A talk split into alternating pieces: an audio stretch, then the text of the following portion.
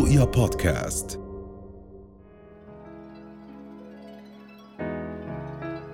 أهلا وسهلا فيكم. كملين معاكم للحديث عن عادات ضارة قد تؤذي قلبنا وخاصة عند الشباب. هناك العديد من العادات الضارة اللي بقوم فيها بعض الشباب اللي ممكن تؤذي القلب ممكن من خلالها نتعرض لأمراض القلب. الحديث أكثر عن هذا الموضوع آه، وحتى ندخل في تفاصيله معنا دكتور فادي ثابت القيسي أمراض القلب والقسطرة التداخلية. أهلا وسهلا. أهلا وسهلا فيك. يعني دكتور إحنا بنعرف إنه في كتير تحديات اليوم آه، عم نواجهها مع شبابنا ببعض العادات الغير صحية. وهذه العادات الغير صحية ممكن تؤثر سلبا على صحتنا وخاصة على القلب. فما هي هذه العادات غير الصحيه اللي ممكن يقوموا فيها الشباب؟ أول شيء صباح الخير لك صباح الخير لفريق العمل. شكرا كثير على الفرصة حتى نحكي عن منع أمراض القلب. كثير حكينا في مرات سابقة عن علاجات أمراض القلب والأساليب المتقدمة بس الأهم من هذا الكلام كله الحكي عن منع أمراض القلب. لما نحكي عن أمراض القلب إحنا عم نشمل أكثر من جزء. منها جزء شرايين القلب آه، كهربة القلب صمامات القلب وعضلة القلب. بالعادة لما نحكي عن أمراض القلب معظم الناس بتفكر بشرايين القلب.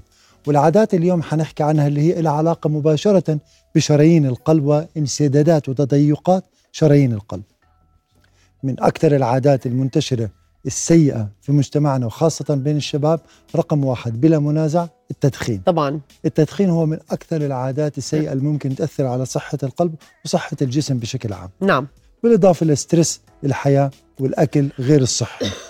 صحة دكتور، لك. الله يخليك. يعني بالضبط. وبتعرف امبارح كنا عم نحكي عن شغلة كثير مهمة وهي أيضا هناك دراسات تقول إنه حتى بأوروبا الناس لا تمارس الرياضة بالطريقة الصحيحة أو بالوقت الكافي لحتى تقدر إنها تكمل حياتها بشكل صحي. فهذا فعليا عم بكون واحد من الأمور ال- الأساسية لحتى نحافظ على صحتنا. مية بالمية. الرياضة من أنا دائما بحكي لمرضاي الرياضة هو أفضل دواء ممكن تاخده لإلك هو الرياضة ولما نسأل الناس عن الرياضة أول إشي بيفكروا فيها هو ال gym وال weight وال treadmill. بقلهم لا مجرد مشية بسيطة على المغربيات آه في المنطقة حوالين البيت لمدة ثلث ساعة لنص ساعة هي كافية إنها تكون تعتبر رياضة جيدة في أيام الأسبوع. نعم. إيه، هناك العديد من الشباب اللي عم بيقوموا ليس فقط بعادات سيئة كالتدخين والأرجيل اللي إحنا بنعرف هذا number 1 ولكن أيضا مشروبات طاقة حبوب آه، آه، نشاط عشان الجيم آه، بروتينات مش مأخوذة بالحسبان وبالشكل الصحيح. يعني هذا كيف ممكن يأثر على على صحة قلبهم؟ حتى بس نفصل الأمور بشكل أدق. بالنسبة لمشروبات الطاقة ما في دراسات أثبتت إنها بتزيد أمراض الشرايين ولكن مشروبات الطاقة لها علاقة بزيادة ضربات القلب غير المنتظمة آه، بالرفه القلب ضربات القلب الزائدة حتى الرجفان الأذيني بمشروبات الطاقة نعم. نتيجة زيادة نسبة الكافيين فيها.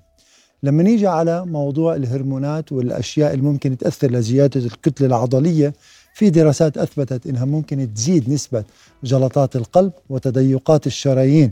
طبعا لما ندخل على موضوع الحبوب والمخدرات هذا موضوع منفصل صعب نشمله مع مشروبات أكيد. الطاقة. في ظلم لمشروبات صحيح. الطاقة ولكن الحبوب والمخدرات طبعا إلها آثار ليس فقط على القلب ولكن على الجسم بشكل عام. ما بين كهربة القلب وضربات قلب غير منتظمة وأيضا إضعاف عضلة القلب وأيضا انسدادات وجلطات القلب. كلها لها علاقة بهذه ال- ال- الفئة من المخدرات والحبوب. نعم. إيه، هناك آه، أيضا آه، ربما بعض ال- الأمور اللي ما بقوموا فيها الشباب لأنه بيعتقدوا إنه هن كتير صغار الفحوصات الدورية. أنا ليه بدي أروح عند دكتور قلب؟ أنا ليه بدي أعمل تشيك اب على قلبي؟ أنا ليه بدي أزور الطبيب؟ ما أنا لسه صغير. بعد الأربعين بعد الخمسين. فقديش اليوم الفحوصات الدورية كمان ممكن تكشف لنا عن بعض الأمراض بشكل مبكر؟ سؤال جدا مهم. لأنه إحنا أمراض القلب هي شيء تراكمي على مدار السنوات ما بين تأثير الضغط والكوليسترول والسكر إلى أن تصل لموضوع انسداد الشرايين أو لا سمح الله جلطة القلب. فإحنا بدنا نبلش الموضوع المنع من سنوات مبكرة جدا للسيطرة على هذه العوامل حتى ما ننتهي. لا سمح الله على عمر الأربعينات أو الخمسينات بجلطة كبيرة للقلب قد تسبب لا سمح الله الوفاة. فالفحوصات الدورية هي بتبلش بزيارة الطبيب لتقييم العوامل الرئيسة في أمراض القلب. نعم. ومنها قياس الضغط فحوصات الدم الدورية لقياس مستوى السكر قياس الكوليسترول وقياس الدهنيات حتى يكون في عندنا تقييم لعرضة هذا الشخص لأمراض القلب. وبعدها بنصنف هذا المريض إلى أنه آه عنده فئة منخفضة الخطورة. فبنحكي له ممتاز استمر على ما أنت عليه ونشوفك كمان كم من سنة. في ناس بيكون عالية الخطورة المفروض نبلش مع بعض أدوية حتى نعدل هذه الخطورة عليه. في ناس بيكونوا في فئة متوسطة تحتاج إلى فحوصات أخرى حتى نوضح نسبة احتمالية إصابتهم لأمراض القلب في المستقبل. نعم علامات اليوم ممكن تشير إلى أنه هؤلاء الشباب هم أكثر عرضة لأمراض القلب.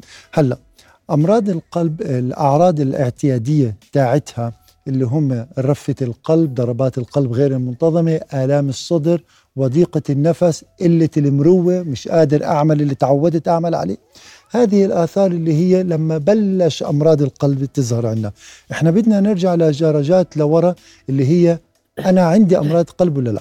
للأسف معظم أمراض القلب بتكون صامتة أو عواملها صامتة ما بين الضغط والسكر والدهنيات فتحتاج إلى فحوصات وزيارات الطبيب لكشفها. في بعض الناس عندهم آه علامات آه بسيطة مثل الصفار اللي تحت العينين اللي بيؤدي إنه في عنا ارتفاع الكوليسترول.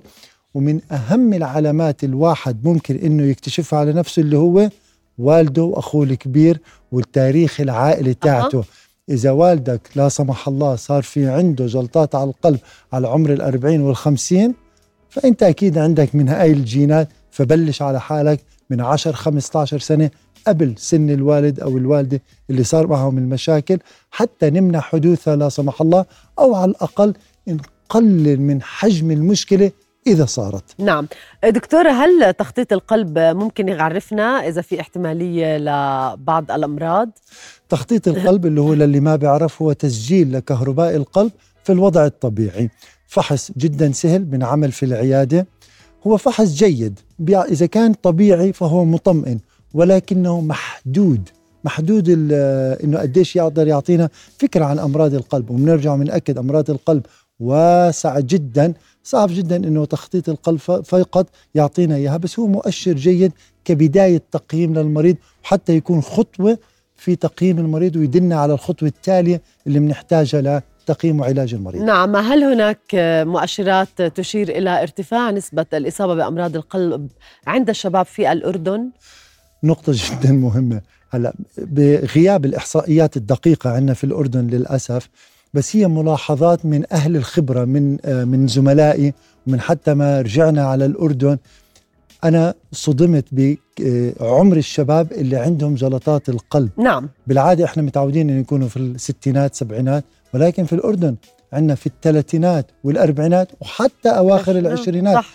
مرة بعمل قسطرة لشاب في 35 سنة بحكي له شو أول مرة؟ قال لي لا دكتور هي ثالث مرة باجي على القسطرة فاستغربت إنه أنت عمرك صغير.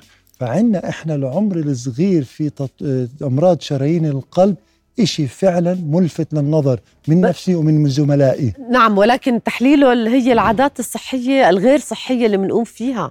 في عادات صحية غير فيها؟ قد يكون في عنا جينيا في منطقة الأردن. معروف في عنا إحنا مثلا في ال guidelines في الدراسات أن ال South Asian في عندهم زيادة نسبة. هلا هل هذا الكلام موجود عندنا في هذه المنطقة أو لا؟ في غياب الدراسات صعب نحكيها بس حتى في علاجاتنا للمرضى كميات ارتفاع الكوليسترول للمرضى اللي بشوفها كتير. ما كنا نشوفها وأنا طبعاً. في أمريكا. فالأمور فعلا في إشي نعم. أكيد أكيد دكتور وأكيد يعني دائما بنقول في نخزات بتكون بالمعدة ممكن تكون مغلوطة بتكون هي جلطات مزبوط؟ هلا التداخل ما بين أعراض القلب الجهاز الهضمي العضلات الخارجية تداخل معروف وهو هون مسؤوليات الطبيب والمريض يشتغلوا مع بعض حتى يعرفوا هذه الآلام من وين جاية. نعم.